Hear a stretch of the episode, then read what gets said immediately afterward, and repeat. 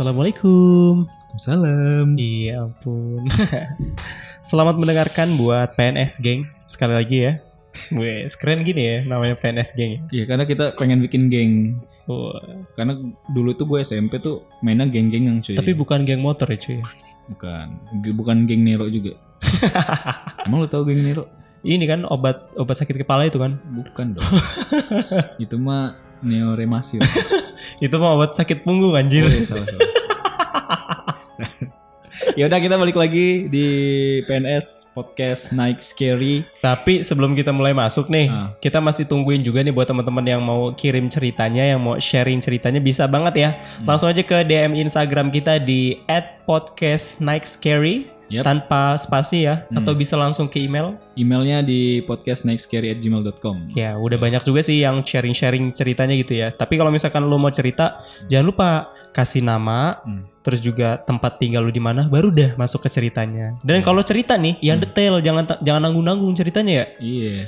Kemarin ada yang DM ceritanya nanggung banget sih. Mm-mm. Ibarat kan kalau misalkan kita boker tuh Oh, iya. belum belum kelar, uh, belum, nggak enak belum klimaks belum klimaks, belum keluar tuh nggak enak gitu kan jadi nama pendengar kita adalah pot PNS geng ya teman-teman ya Ya, oke iya. Kepanjangannya mungkin ada yang belum tahu nih, ada yang baru dengar hari ini mungkin. ya jadi sekali lagi PNS geng itu adalah singkatan dari pendengar Night Scary Gang Wah, yes mantap ya. oke dan sekarang kita juga sudah ada satu PNS geng yang pengen nyeritain cerita pengalaman dia ada Gilang halo Gilang Halo.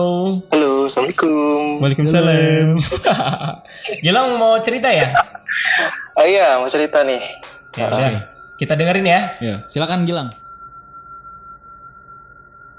Oke, thank you buat Andi, buat Sandi udah kasih gue waktu. Jadi eh, teman-teman podcast Neskeri, hello, perkenalkan eh, nama gue Gilang Ramadan. Jadi gue ini adalah mahasiswa di salah satu perguruan tinggi di Lampung, eh, namanya Poltekkes Tanjung Karang, jurusan Kesehatan Lingkungan.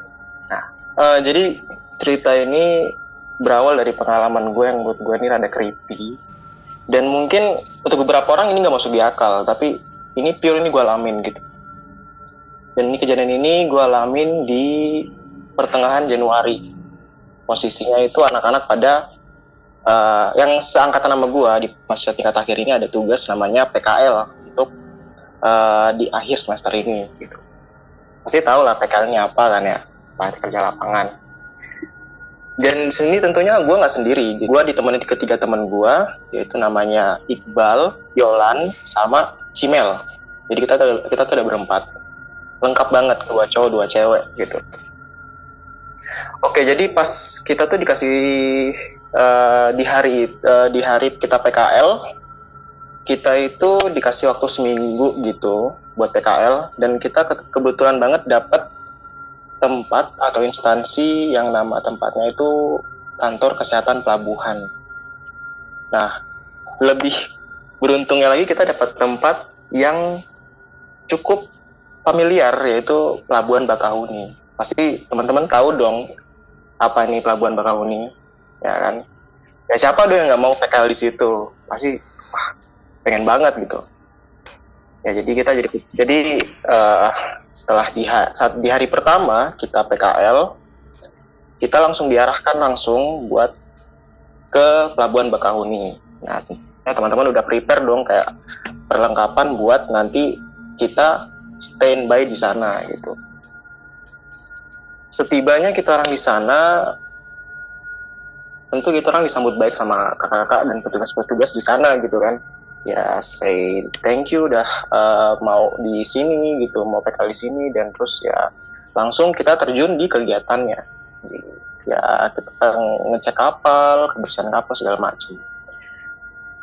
Dan akhirnya hi- finally kita selesai di hari pertama kegiatan PKL kita yang hari di hari pertama di jam 5 kita bisa mungkin sebelum maghrib gitu kan ya. Dan di situ kita waktu kita pulang. Dan tentunya nggak mungkin banget kita kan P- kita tuh PP Bakahuni Bandar Lampung kan nggak mungkin banget ya. Pasti kita harus punya tempat standby di sana gitu. Dan teman-teman tahu kalau misalkan di cabang kantor kesehatan pelabuhan sana Bakahuni itu punya mes gitu. Nah cuman yang nggak mungkin dong masa kita kayak langsung nyeletuk kak mesnya mana? gitu kan gak enak gitu ya kan. Makanya itu gue selaku gue karena gue ketua tim akhirnya gue ngomong sama kakaknya gitu. Cuman gue rada-rada tricky gitu ngomongnya mau mancing biar kakak itu yang nawarin gitu kan akhirnya uh, gue ngomong nih kakak itu. Bilang kak uh, kita ini udah selesai kan ya PKL nah ya nggak mungkin dong kita mau balik ke Bandar Lampung lagi. Nah kira-kira kakak punya rekomendasi tempat nggak kak? Gitu. Bertanyain dan kakaknya pun menawarkan kos-kosan temannya gitu. Iya sungguh nggak masuk di akal gitu. Maksud kita tuh kenapa sih gitu mau banget kah mau cari duit dari harta kita. Padahal kita tuh ke sana tuh memang bener-bener pure mau apa ya meminimalisir pengeluaran kita. Tapi kok malah disuruh nyewa tempat gitu. Nah terus jadi mas ini gunanya buat apa? gitu. Akhirnya gue coba lagi triki kakak itu buat nanyain emang gak ada solusi lain tah selain ini kak? Karena kita pengen banget nih nggak make duit kita buat uh, nyewa tempat. Kita mau pakai duit kita di kerja apa di kebutuhan yang lain seperti makan dan uh, beli cuci apa uh, sabun cuci baju dan segala macamnya gitu. Akhirnya kakak itu ketemu memaksa kita harus kayak ya udah kalian ke sini aja gitu ke kosan teman kakak aja enak sini bagus sini bla bla bla bla. Dan pas gue juga udah mulai nggak nggak udah mulai nggak nggak seneng denger kak apa jawaban jawaban dari kakak itu ya gue langsung nyeletuk aja gitu kayak kayaknya kak di sini tuh ada mes deh kayak dan kalian tahu ekspresi kakak itu kayak mana? Kakak itu langsung kayak gelagapan matanya langsung kayak menyala-nyala kayak ah ya, kayak uh, uh, uh, um, uh, iya ada gitu. Cuman ya di sana tuh nggak kayak terurus deh gitu. Terus juga pasti kalian pasti bakal gabung sama kakak-kakak petugas KKP yang lain. Emang kalian mau gitu. Ya gue tentu ngomong gue bilang kayak ya udah nggak apa-apa kan nanti kita yang bersihin gitu. Kita yang kita kita orangnya nggak aneh-aneh kok kak. Di sana kita bakal baik-baik gitu. Dan kakak itu kayak tetap masih kayak alasan alibi-alibi yang kayak menurut kita tuh nggak masuk di akal gitu. Padahal tinggal cuma ngomong ya udah kalian di sana aja gitu. Akhirnya setelah perdebatan panjang ya udah mungkin kakaknya udah karena uh, udah mulai ya mau maklumin juga dengan dengan ke keadaan kita. Akhirnya ya udah akhirnya kakak itu mensetujui kita buat tinggal di mes sungguh senang banget udah di Bakahuni terus tempatnya kita dikasih tempat mes mesnya juga katanya ya bagus gitu. Akhirnya udah anak-anak uh, prepare. Akhirnya kita berangkat ke mes setibanya di mes uh, mesnya cukup layak untuk ditinggali menurut menurut gua gitu. Karena mungkin gue sedikit kasih menggambar gue gue boleh menggambarkan tempatnya ya. Jadi tempat mesnya itu di tengah-tengah turunan gitu gitu. Di tengah jadi ini turun turunan nih. Jadi di turunan itu ada di sebelah uh, di sebelah kiri itu ada ada bangunan mes dua mes. Ada mes atas sama mes bawah. Jadi berdempetan gitu ya antara jarak antara mes bawah sama mes atas itu mungkin sekitar 5 meteran cuman ada kayak tangga buat turun ke mes bawahnya gitu nah untuk di sebelah kanan mes itu ada kayak perkebunan kecil-kecilan gitu sama di sebelah kirinya mes mesnya bawah di di sebelah mes itu ada kayak rusun-rusun yang belum ditempatin gitu. Nah jadi emang kayak ya udah mendukung banget gitu kayak di sini tuh kawasannya sepi gitu. Ya jadi ya cukup lah. Mungkin tapi menurut gue nih masih lagi tinggali seperti itu. Akhirnya di sana kita udah kayak misalkan kita udah diomongin, kita udah dikasih kunci kamar masing-masing. Cuman kakak itu langsung mengarahkan kita ke mes yang atas, bukan mes yang bawah Padahal kamar mes bawah ini kelihatannya kayak lebar gitu. E, bangunan mes bawah itu lebar gitu. Jadi kayaknya itu ada sekitar li, apa tiga kamar apa empat kamar, sedangkan mes atasnya cuma dua kamar. Dan tentunya kita tuh kayak di satu kamar tuh diisi dua orang gitu. Maksudnya ya kenapa sih nggak di mes bawah aja gitu kan sama-sama bagus juga gitu. Ya udahlah kita nggak bisa kita nggak mikirin sana. Setelah itu kayak anak-anak kayak prepare kayak bersih bersih packing apa um, dan mbak apa naruh naruh baju segala macem sampai tiba di malam hari dan kita tuh melakukan kebiasaan kita biasa kalau misalkan teman-teman gua teman-teman kampus gua ini kalau misalkan PKL itu selalu kayak eh, ngerjain eh, laporan gitu nyicil laporan biar nanti pas di akhir itu nggak keabakan.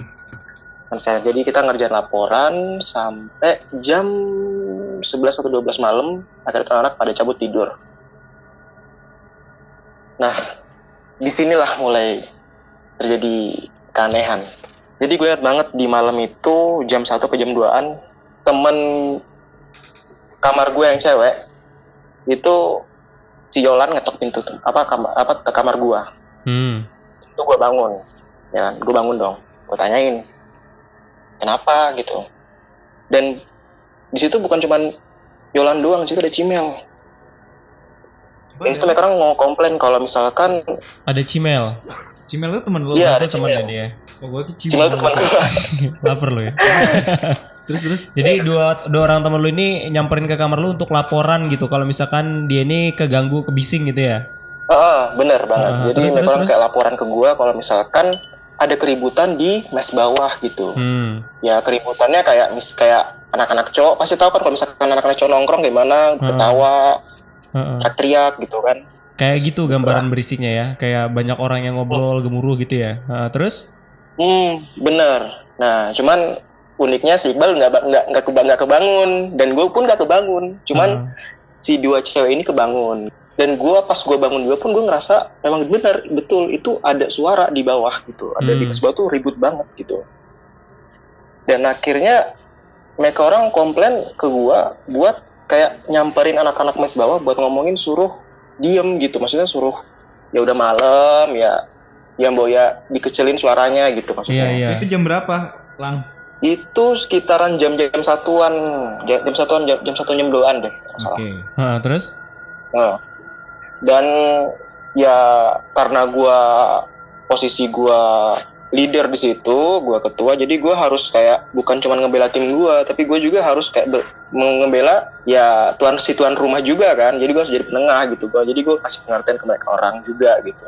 Oh, jadi di situ posisi lu eh, ne- nenangin teman lu dulu lah ya kalau misalkan eh, ya udahlah kita tamu di sini gitu ya. Gak enak juga kalau menegur gitu ya. Hmm, Nah, ya, gue juga gue ngasih tahu juga kan kayak ya ya tuh mereka orang juga lebih senior dan memang mereka orang udah lama di sini. Jadi ya Heeh. ada so apa tata keramanya juga kita kalau mau negur gitu ya udah maklumin aja hari ini siapa tahu mungkin besok nggak kayak gitu lagi gitu Heeh. alhamdulillah anak-anak cewek juga memaklumin akhirnya kita tidur dengan keributan yang ya Cukup, Cukup mengganggu mengganggu lah ya. hmm. Heeh, terus terus? akhirnya tiba di hari kedua kita ngelakuin aktivitas kita seperti biasa dan akhirnya ya setelah itu pulang apa selesai setelah dari kegiatan kita pulang biasa lagi kita beres-beres makan terus eh, ngerjain ny- nyicil laporan kita juga akhirnya setelah ngecilin apa setelah menyicil laporan kita kita balik tidur balik istirahat Di malam kedua ya. di malam kedua. Nah, dan anehnya lagi keributan itu muncul dan itu mengganggu gua dan akhirnya gua bangun. Anehnya gua, gua di situ gua bangun juga gitu. Jadi gua sama anak-anak cewek, Cimel sama Yolan pun kebangun. Akhirnya kita keluar tuh. Cuman si Iqbal ini masih belum si Iqbal ini belum belum bangun, masih tidur dia. Gue nggak tahu nih kenapa. Mungkin anaknya kebo banget apa gimana gue nggak ngerti cuman kita bertiga tuh bener-bener bangun gitu kayak bener-bener ke distract banget sama suara itu gitu jadi akhirnya anak-anak anak-anak cewek pun tetap komplain kayak misalkan lang ini udah hari kedua lang Heeh. itu sampai malam keempat itu karena dan malam keempat itu finalnya sih gua. gimana tuh? finalnya oke jadi pas di malam keempat itu emang karena emang ya teman-teman juga udah pada kesel dan dan emang si Iqbal juga udah ngerasa dan si Iqbal juga udah mulai keganggu. Emang kita di hari itu emang bener-bener capek banget di hari keempat di hari keempat itu. Dan si Iqbal pun juga akhirnya ke distract dengan suara itu. Akhirnya kita juga pada sepakat di hari itu buat turun ke bawah. Buat ngomong ke bawah. Kalau misalkan kita Ganggu. yang di mes atas ke distract keganggu. Akhirnya anak-anak sepakat turun apa keluar turun ke bawah. Dan bener dong itu suasana lokasi mes bawah itu bener-bener kayak ada orangnya gitu loh.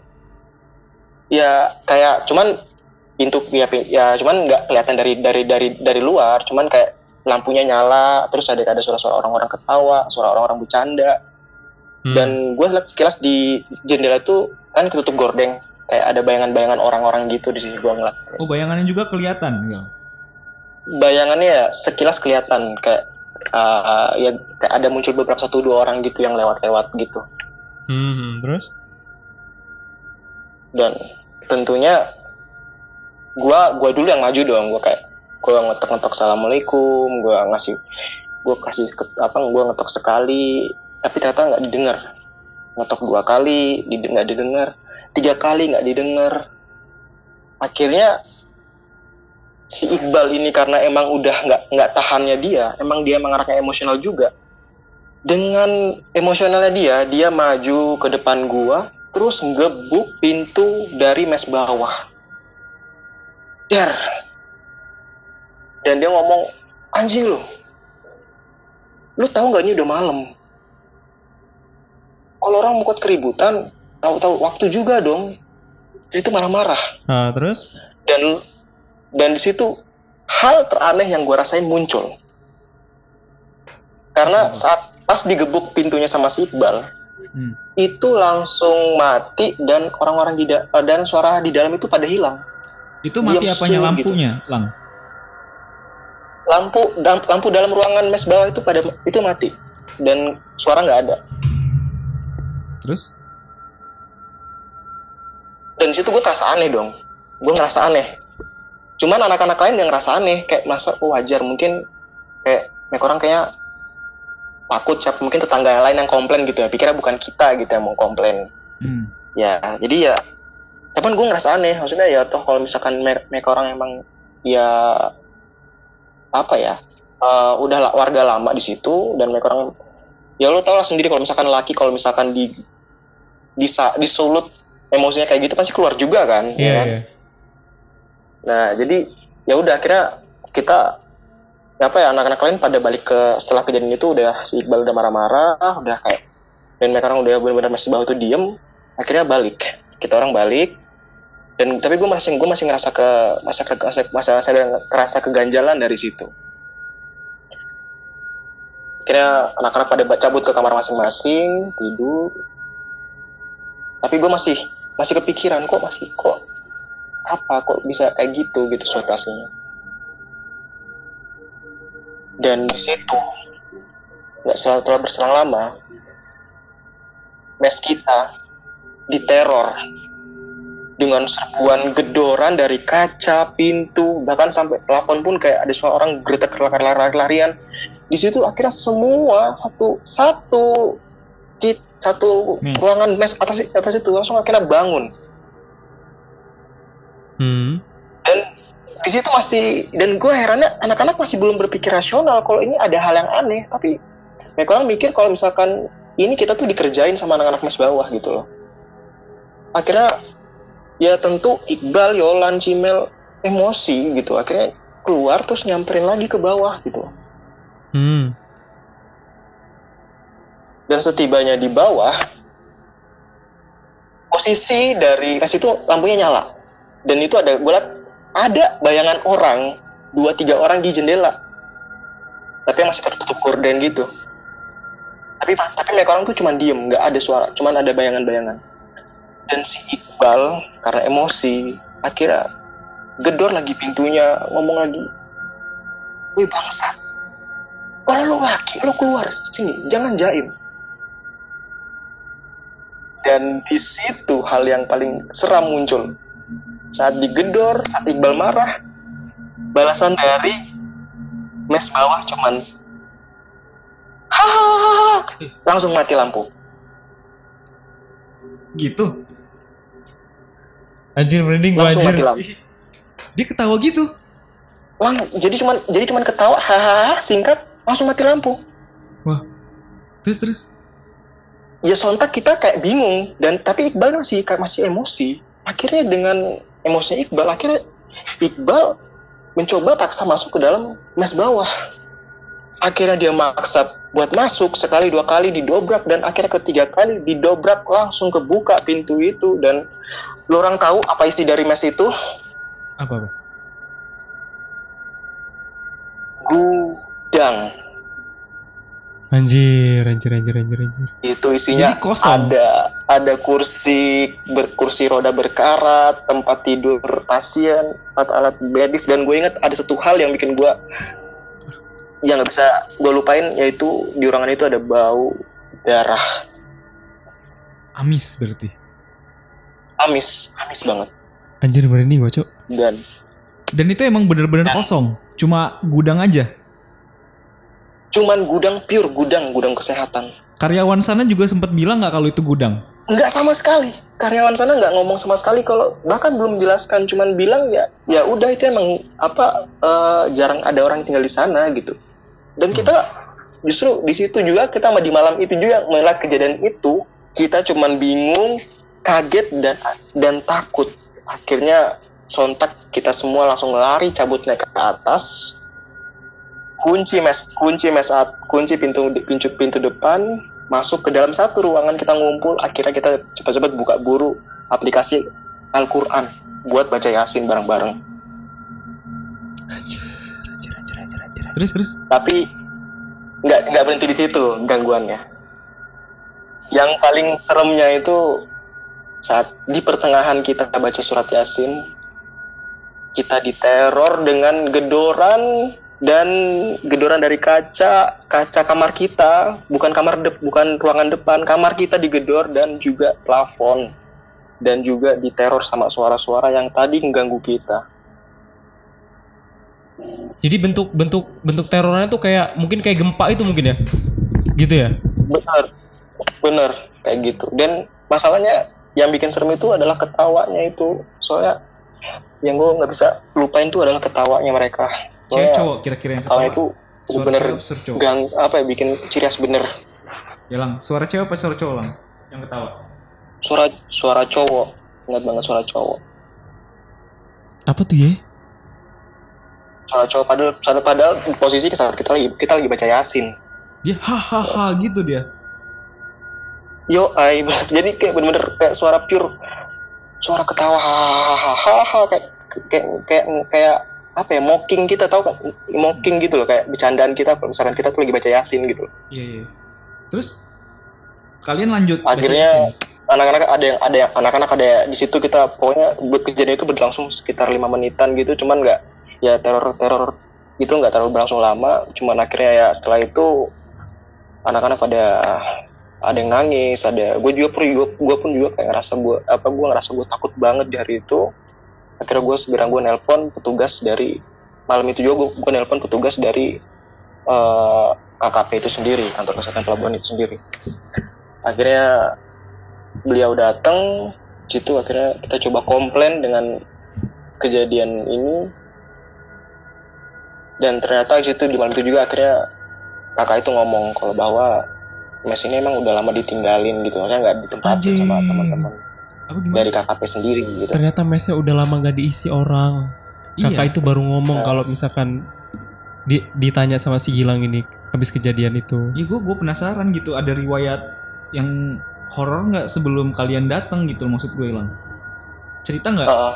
iya nah gue juga gue juga gue juga sempat tanyain sebelumnya apakah udah ada ada apakah ada kejadian yang melatar belakang ini atau apa, apa mungkin emang dulunya tempat ini ada gimana kejadian apa dan kakak itu bener-bener hampir nggak tahu dengan kejadian yang sebelumnya cuman beredar bercerita apa apa beredar sebuah cerita kalau di situ ada beberapa laki-laki lima apa enam laki-laki gitu keracunan massal di situ gara-gara mengonsumsi obat-obatan terlarang Hmm. Maybe.